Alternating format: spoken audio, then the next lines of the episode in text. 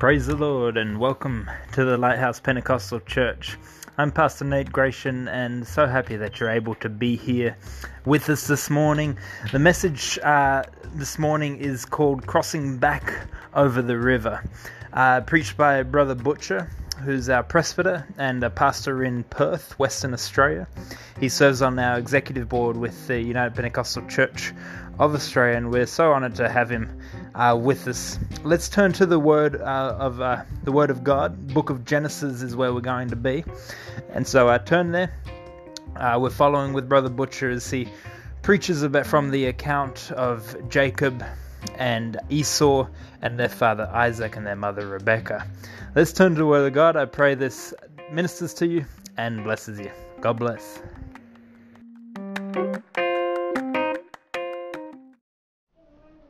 Add my amen to your pastor's comments about faith. Uh, why faith is so important. Faith is not some weird, mystical, faraway concept. Faith is, to put it simply, taking God at His word.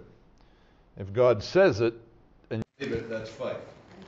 And this book is a book full of promises. But none of those promises happen until you believe them. Uh, the Bible talks to us about how that for us to benefit from God's word, we must mix our faith with His word. And it is in the mixing together of, of our belief with what He says that the power of God's promises are revealed. The Bible tells us about people that didn't mix their faith with God's word and it was unprofitable to them. And so if you find faith a, a sort of a, an out there in space kind of concept that's hard to grasp, take God at His word. If God said He'll do something, He'll do it. Uh, we let each other down, even when we have the best of intentions. When we say, you know, uh, I'll take care of this or I'll take care of that, and maybe sometimes meaning full well to do so.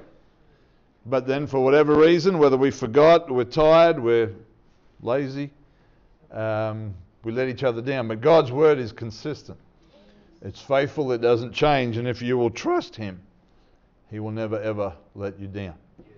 Amen. Amen. So it is our privilege to be here. It's our privilege to to serve in the capacity that we do.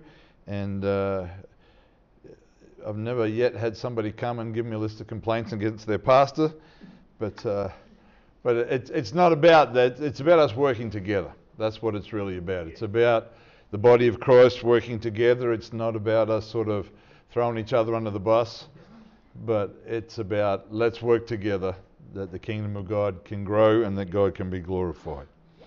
Amen. Amen. Now, I know there's lunch after service, and some of you might be thinking about that already. You're already having lunch in your minds. So let's open our Bibles and let's not try to keep you from lunch for too long. Genesis chapter 25.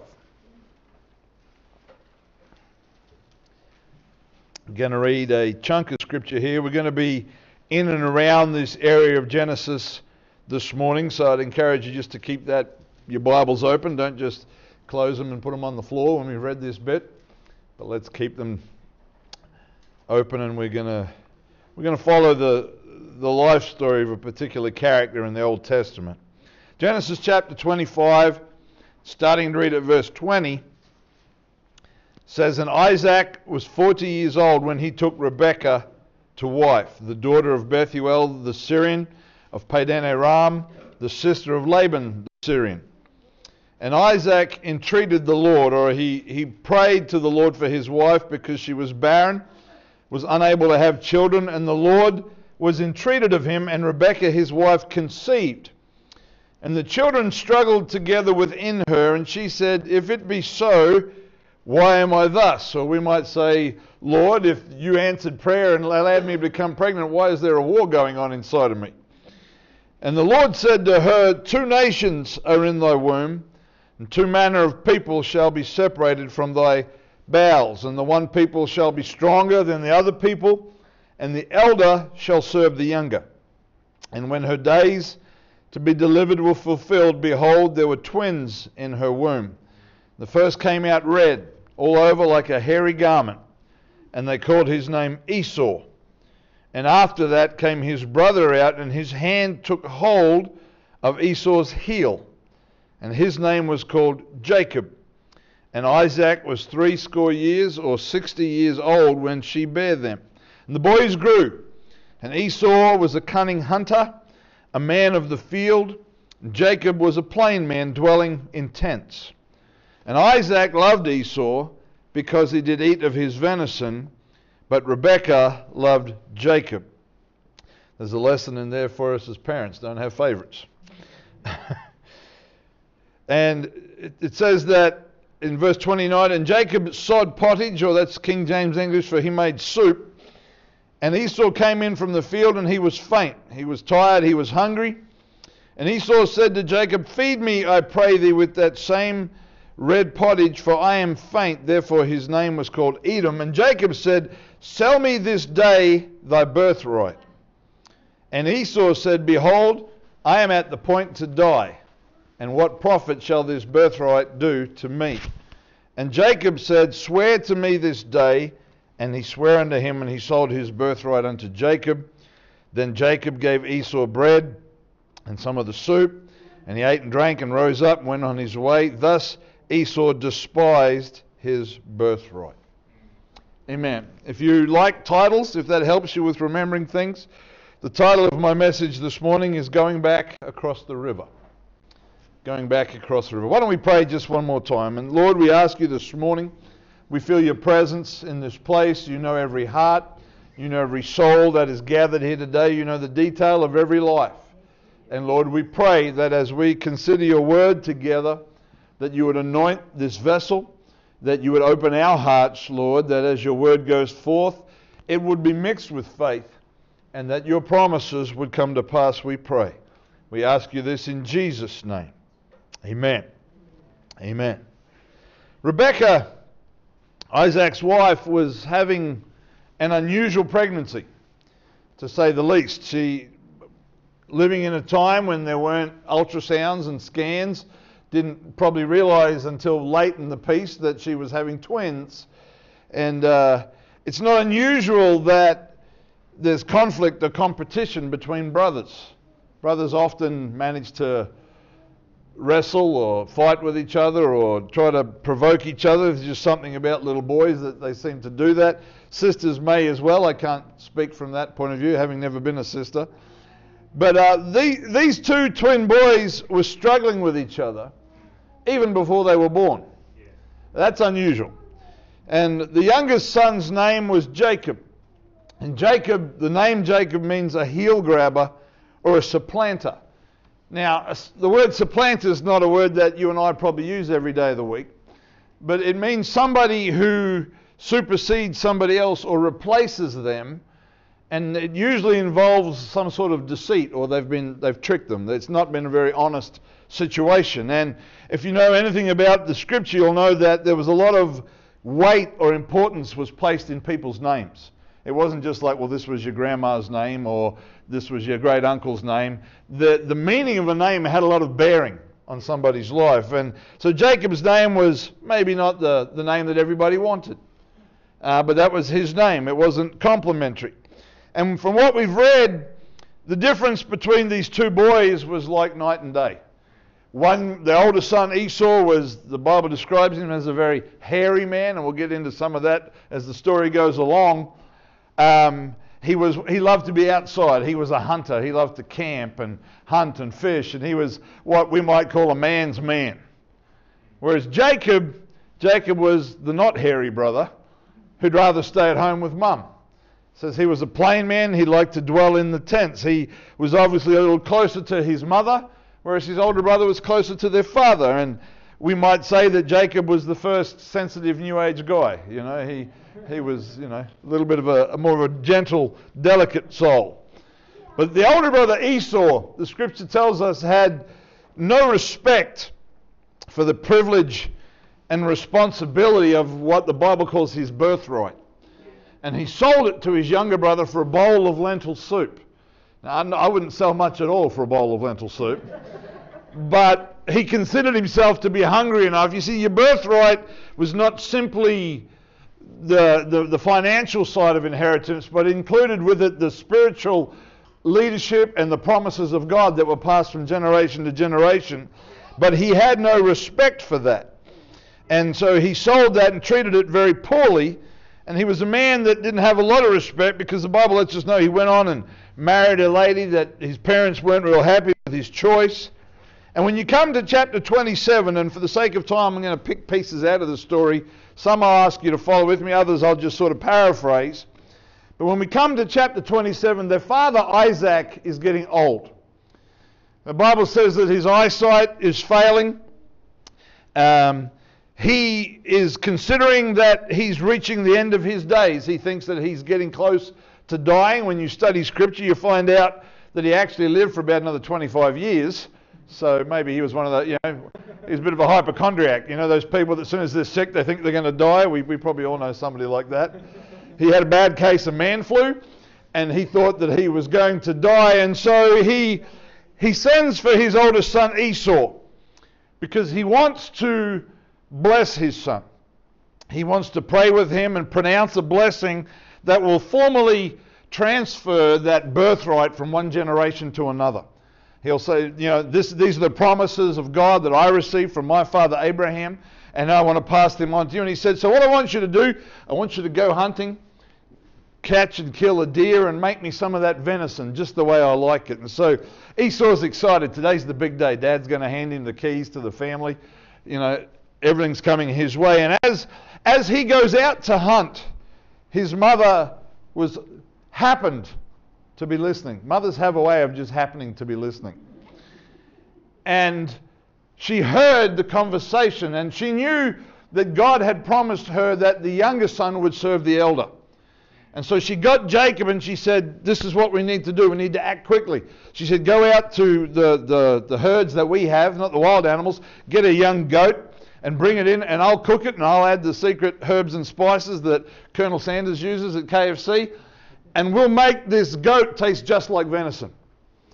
And Jacob said, But when I go in before my father, he's going to know I'm not my older brother because my older brother's hairy. He smells like animals and he smells like the bush.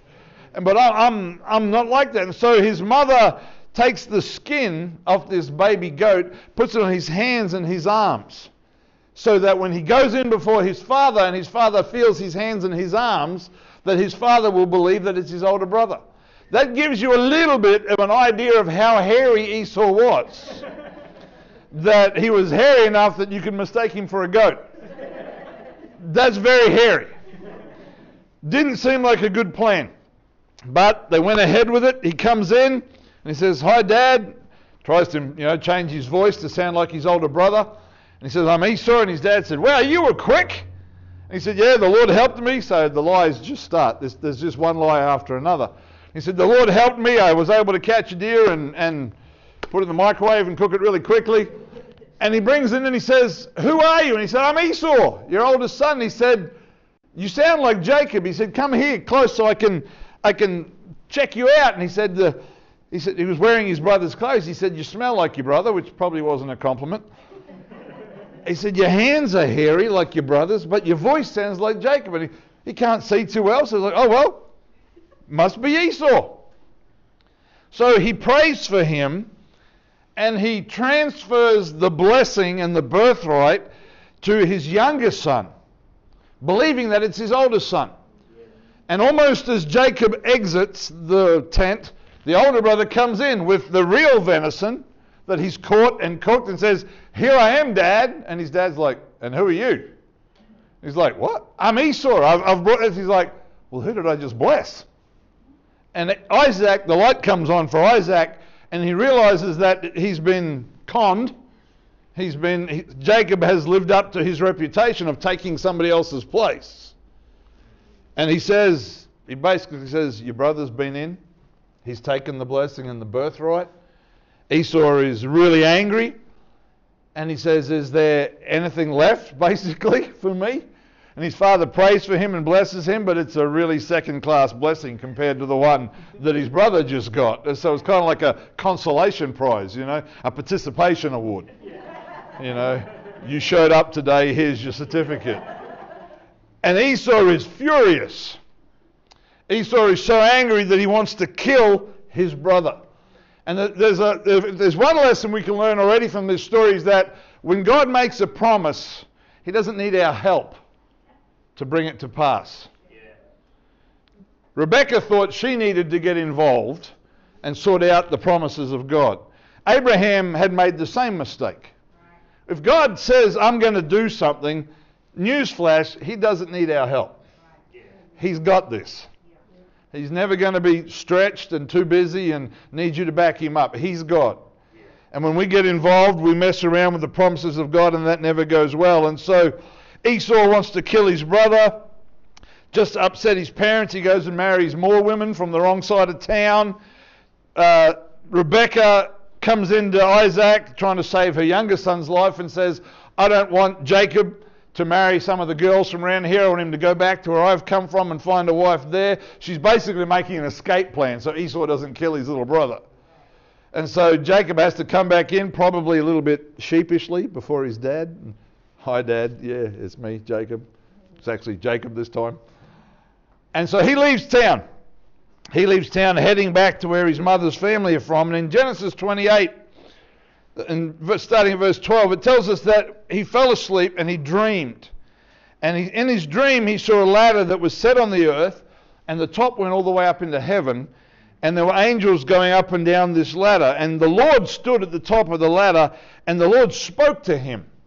And in Genesis 28 and 13, the Lord said to him, I am the God of Abraham thy father, and the God of Isaac. Well, Abraham was really his grandfather, and the God of Isaac thy father. And he said, The land that you're lying on, where you're sleeping, I'm going to give that land to you and to your seed or to your descendants. And the Lord is repeating the promises to Jacob that he's already made to Isaac and Abraham before him. Jacob wakes up. It's like he was terrified.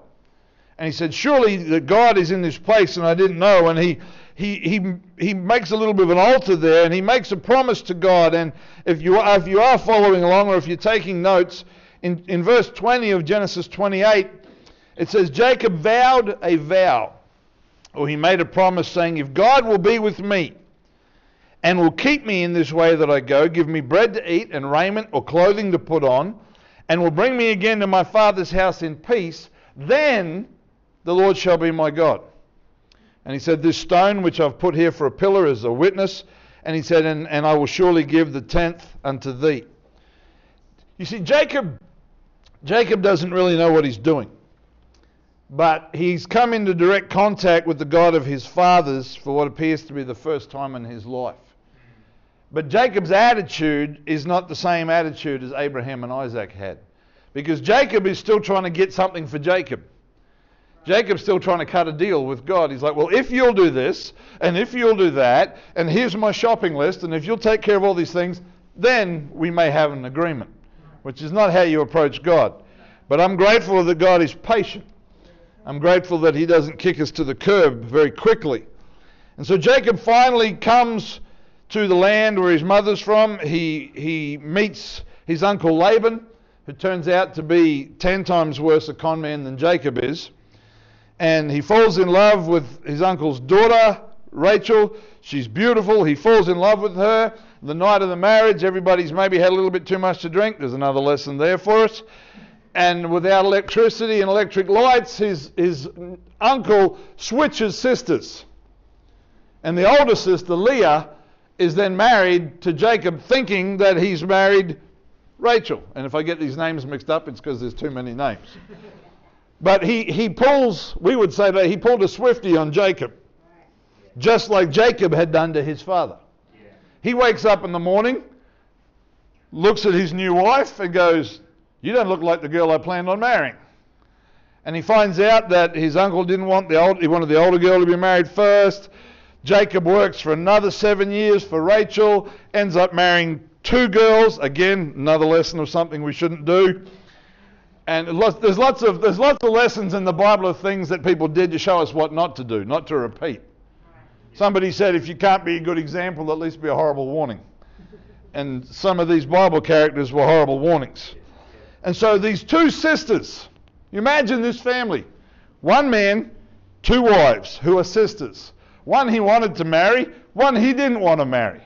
Just to make it more complicated, the one he didn't want to marry is getting pregnant and having sons, which was a big thing in their culture. The other one can't get pregnant So we've got a wife that he loves who can't get pregnant, a wife he doesn't love who's getting pregnant. They're competing with each other for Jacob's attention, almost like having a son competition to see who can have the most sons. What a happy home! what could possibly go wrong? You see, the problem with dishonesty and with having a wrong spirit is that it entangles you. And it leads to more dishonesty and more deceit and becomes difficult to get out of. And this is the situation that Jacob finds himself in. And so he works for his uncle, and God blesses him, and he becomes prosperous and he becomes wealthy. And the whole time, God is looking at Jacob, watching him, seeing what he'll do. But Jacob's not really looking at God. Until one day, Jacob is talking to his wives, and we're in chapter 31 by this stage, in verse 11. It says, The angel of God, this is Jacob talking to his wives, the angel of God spoke unto me in a dream, saying, Jacob, and I said, Here am I. And he said, Lift up your, eye, your eyes, and he said, See all the cattle that I've blessed you with, and so forth. And then in verse 13, God reminds him of a promise that he made. He said, I'm the God of Bethel. That's the place where he had that dream with the ladder. And he said, you, you made a promise to me there. You made a vow to me. He said, Now arise. He said, God's saying, I kept my side of the bargain. He said, And You need to get up and go back to the land where your family is. And so God is really starting to try and get Jacob's attention. But he's still Jacob. He's still trying to work the angles still trying to get the best deal, still trying to take care of his business. And so he, you can read the story. I won't read it all for time because it goes for quite a few chapters. But he begins to travel home, and on the way, he sends messages ahead of him to his older brother. He just kind of wants to see which way the wind's blowing, you know, see if the older brother's still, you know, got a grudge he wants to sort out. And the message comes back that his brother's coming to meet him with 400 men. And Jacob's instantly terrified. 400 men. It doesn't sound like a welcoming party. Sounds like there's a war going to happen. And so Jacob, again, he's afraid for his life and his family. He's doing everything he can to control the outcome. See, God will put you in situations where you cannot control the outcome. So that you have to trust Him. Because we all, if we're honest, want to control everything. But God says, How about you let me drive? I'm better at this than you are. And so he divides his family into two groups, and you know he's willing to sacrifice the wife that he doesn't love first and protect the one that he does love, and the kids, and he's he's got it all strategically placed. And then what happens is he takes his family across this river, sets them all up, and it's late in the day, and he goes back across the river, and he's on his own. It's just him and God. And in verse in chapter 32, and I might get you to have a look at this with me. In chapter 32 and verse 24, it says, And Jacob was left alone, and there wrestled a man with him. If you read on, you read all of that, you'll see that that man was an angel or a, a manifestation of God. And he said he wrestled with the man until the breaking of the day. They wrestled all night. And when he saw that he prevailed not against him, he touched the hollow of his thigh. This, this angel of the Lord touched Jacob's hip joint, his thigh, and the hollow of Jacob's thigh was out of joint as he wrestled with him. And Jacob said, Let me go for the day. No, the angel said, Let me go for the day breaketh. And he said, I will not let you go except you bless me. And in verse 27, he asks an interesting question. He says, What is your name? Then Jacob has to admit that his name is Jacob. It's not a very complimentary name.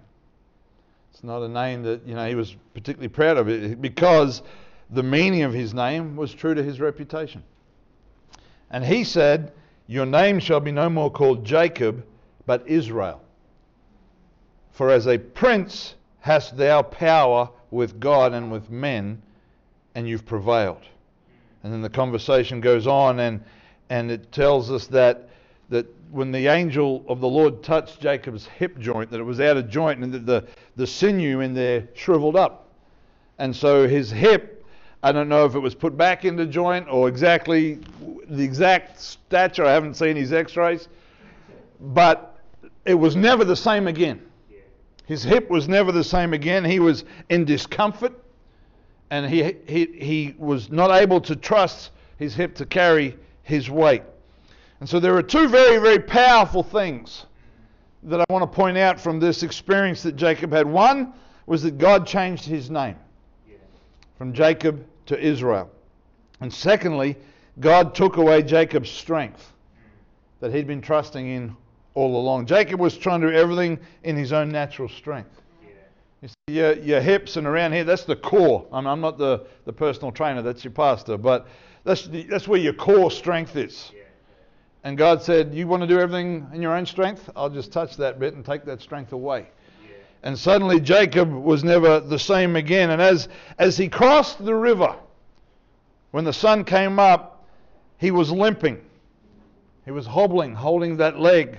He couldn't walk properly, and he carried that for the rest of his life. And in that debilitated state, he had to come face to face with his older brother. And if you read on the story, you find that his older brother, with some time, has released his anger and he's happy to see Jacob. They're reconciled, and not only are they reconciled, but their father is still alive. And Jacob's able to go all the way home and, and to see his, his dad. And, and today they would use the word closure. He was able to, to close the circle come back home and, and sort of make right and introduce his wives and his kids and see how God had blessed him. And some of you are more familiar with that story than others. Some of you have been in church a little bit longer than others. But the question this morning is is it just a great story? Or is there more to it than that? You see, many, many of our lives were just like Jacob's broken, a mess. Families with problems, dishonesty, broken trust, cheating, loneliness, despair, whatever our situation was. But when we come to the Lord, all of us come with brokenness because we're all broken. There's not an unbroken human that lives except for Jesus. But we come to the Lord with brokenness and we have an, ex- we have an encounter with God. You know, Jacob wasn't planning on having that dream and seeing that ladder. In fact, it freaked him out. That wasn't on his plan. And often, the first time you come in contact with the gospel, or the first time you come in contact with the presence of God, like we feel this morning, that wasn't on our radar. And we go, whoa, what's that? Or somebody talks to us about how God has changed their life, and we think, wow, I've never heard that before. Yeah. You know, my, my, my mother, who is a wonderful, wonderful lady of God, when I was seven years old, my mother's life was, was not very good. She was very miserable in, in her relationship with my dad, and she just suffered a lot from depression and all kinds of issues. And my, my mother was actually at the point of leaving my dad, taking my sister. We were living in Townsville, North Queensland, and she actually had the plane tickets in her handbag to take myself, my seven year old self, my four year old sister, and go back to New South Wales where her family came from. And because God's timing is perfect, it was at that point that a friend of hers invited her to go to a little Pentecostal church just like this one. And my mother's first reaction was what possibly your first reaction may have been when she went into a Pentecostal church. These people are insane. If I ever get out of here alive, I'm never coming back. That's what my mother thought. She wasn't prepared for that. That wasn't in her plan. But God put a hook in my mother's heart. And turned her life around because of that. And that often happens to us. We, we have an interaction with God that wasn't in our diary, that wasn't in our schedule. And God begins to bless us and He begins to want to change us and shape us. And, but a part of that process is for God to change us, He has to let us see a little bit of who we really are. Right. That's not much fun. Because God has to reveal to you the reason you're broken is because of sin. Sometimes it's ours, sometimes it's the action of others, but as a whole, it's sin. Sin is what breaks us. Sin is what messes with our, our lives as individuals, messes with our families, messes with the big picture. You see, it's not a coincidence that when Jacob traveled and lived with his uncle, that his uncle was just like him except worse. So when Jacob was interacting with his uncle, he was looking in a mirror. It was almost like God was saying, This could be you in 20 years. Showing him the sides of him that weren't very nice. And Jacob had some experiences with God, like the vision we talked about at Bethel with the ladder. And Jacob had kind of been, it's like he was on the edge. And he was like on the fringe. He, he was close enough to see, but he wasn't that too close. It's like he was looking through the windows, but not on the inside. And Jacob had a connection with God through his family, but it had not become personal. And that's what God was working on. You see, God, God doesn't have associates. He's not a company. God has children. He's a father. That's what the Bible says. He wants to be our father. And so when you become his child, it will change the way that you walk. It doesn't mean that the Lord's going to dislocate your hip, and I thank the Lord he hasn't done that to me. But when we talk about the way we walk, we're talking about the way we live. God will change the way that we walk. And He begins, and as we, we grow and we, we're born again, and if you've never repented of your sins or been baptized in Jesus' name or received the Holy Ghost, I would encourage you to consider what the Scripture says about that. Yeah. Talk to your pastor about that because that's how we get born again. Yeah. We turn away from our old life. We say, All right, Lord, that's my sin. That's my brokenness. I'm guilty. I'm sorry. And we turn away from that and we begin to walk differently and then we're baptized in Jesus' name because even though we've turned away, we've still got a record. And God washes our sins away, and then just like an empty vessel, that one's not empty, that's half full of water, but if you'll imagine it's empty with me, an empty, clean vessel, He fills us with what the scripture calls living water, which is His Spirit that comes to live inside of us. Can't pick it up without having a drink. And then as we're born again, we begin a new life, and as we grow, God changes us. Just like when we have children, as they grow, we teach them. We teach them things they should do, we teach them things they shouldn't do. You teach a little child not to play in the street. You teach a little child not to stick the fork in the PowerPoint. There are things you teach your children because you're trying to protect them. And when they're little, they think that all you want to do is ruin their parade. You want to kill all their fun. My parents told me, my parents, my children told me a while ago that I was where happiness went to die. Which meant I was doing a good job as a parent. But parents aren't usually trying to make you miserable. They're trying to teach you so that you will be productive in life. And the same thing happens spiritually. We learn. And God changes things about us. You see, Jacob, Jacob was always trying to do things Jacob's way. And God had to say, at some point, if this is going to work, you're going to have to do it my way. I mean, you see, Jacob, why, why did Jacob have to go back? Jacob was blessed. He was kind of in a good family situation. Two wives fighting with each other and a bunch of kids. Twelve sons. He was rich. And by those measures, he had a lot of cattle and sheep and all that stuff that people measured wealth by. Why couldn't God just leave him there? Why, why could he just forget the past? Why, why did God bring up the past? Why did God say, You remember me? I'm the guy I had a conversation. Remember that night you had that dream? You made me a promise. You said if I'd take care of you, you'd go home. And, well, I've taken care of you. It's time to go home. Why did God do that? Why, why would God make somebody go back where the pain starts? That seems cruel. It seems like God's some kind of sadist. But you see, Jacob, Jacob had to go back to face his brother Esau. He had to go back and reconcile with his father, with Isaac.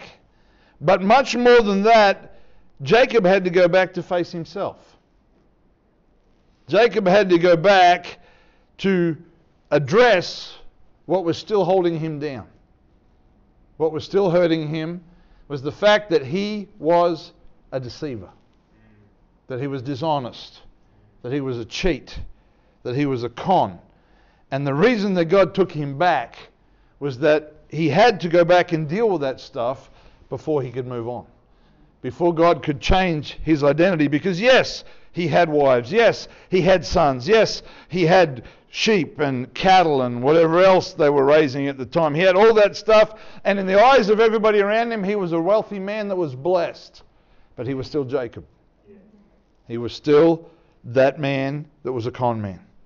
And God had to take him back. And so on that night, on the other side of the river by himself, when he wrestled with the angel of God, God changed his identity. He took him from being Jacob and he made him into Israel. And we need to understand that before Israel was ever a nation, it was a man. It was one man. He became the father of the nation, but it was his name before it was their name. And so instead of, here, who are you? I'm the con man. I'm the cheat.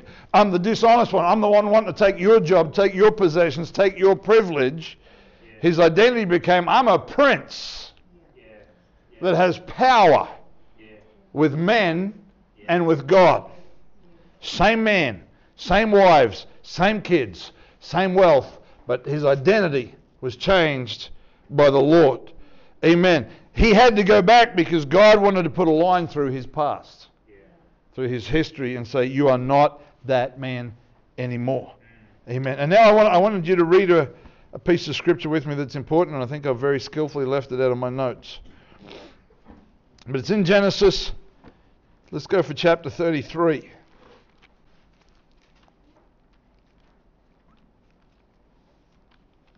And I'm nearly done if you're thinking about lunch. The very end of chapter 33 of Genesis.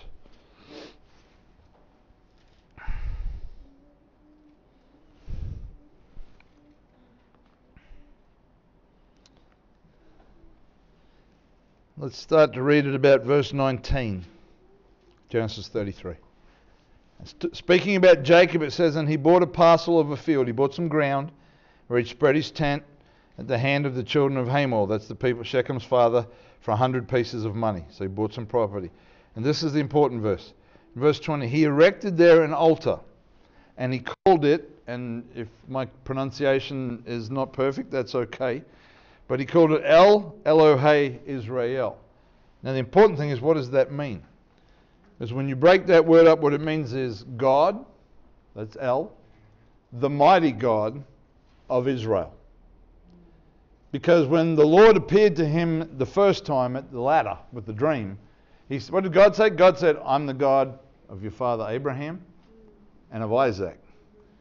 But God brought him back to where he'd come from, changed his identity, and now he said, Now you're my God. You're not just God, you're not just a mighty God, but you're the God of Israel. You're my God now.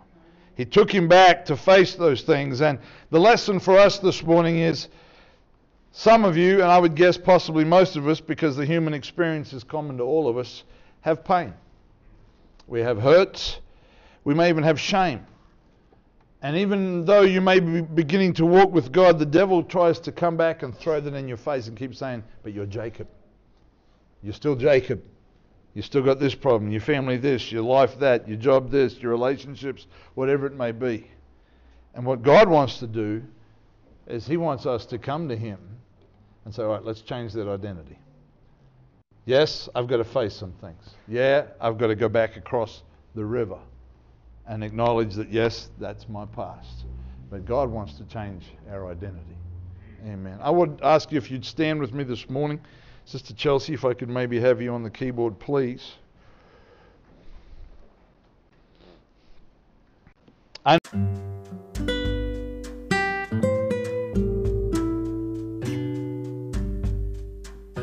Thank you for joining us. I trust this message blessed you as much as it blessed uh, the church here in Alice Springs at the Lighthouse Pentecostal Church. Uh, again, thanks for being with us. If you want to find out more about our church, you can uh, find us on the web at alicelighthouseChurch.com. That's alicelighthouseChurch.com. And uh, we'll see you uh, in the next episode. Thanks again. God bless. Have a great week.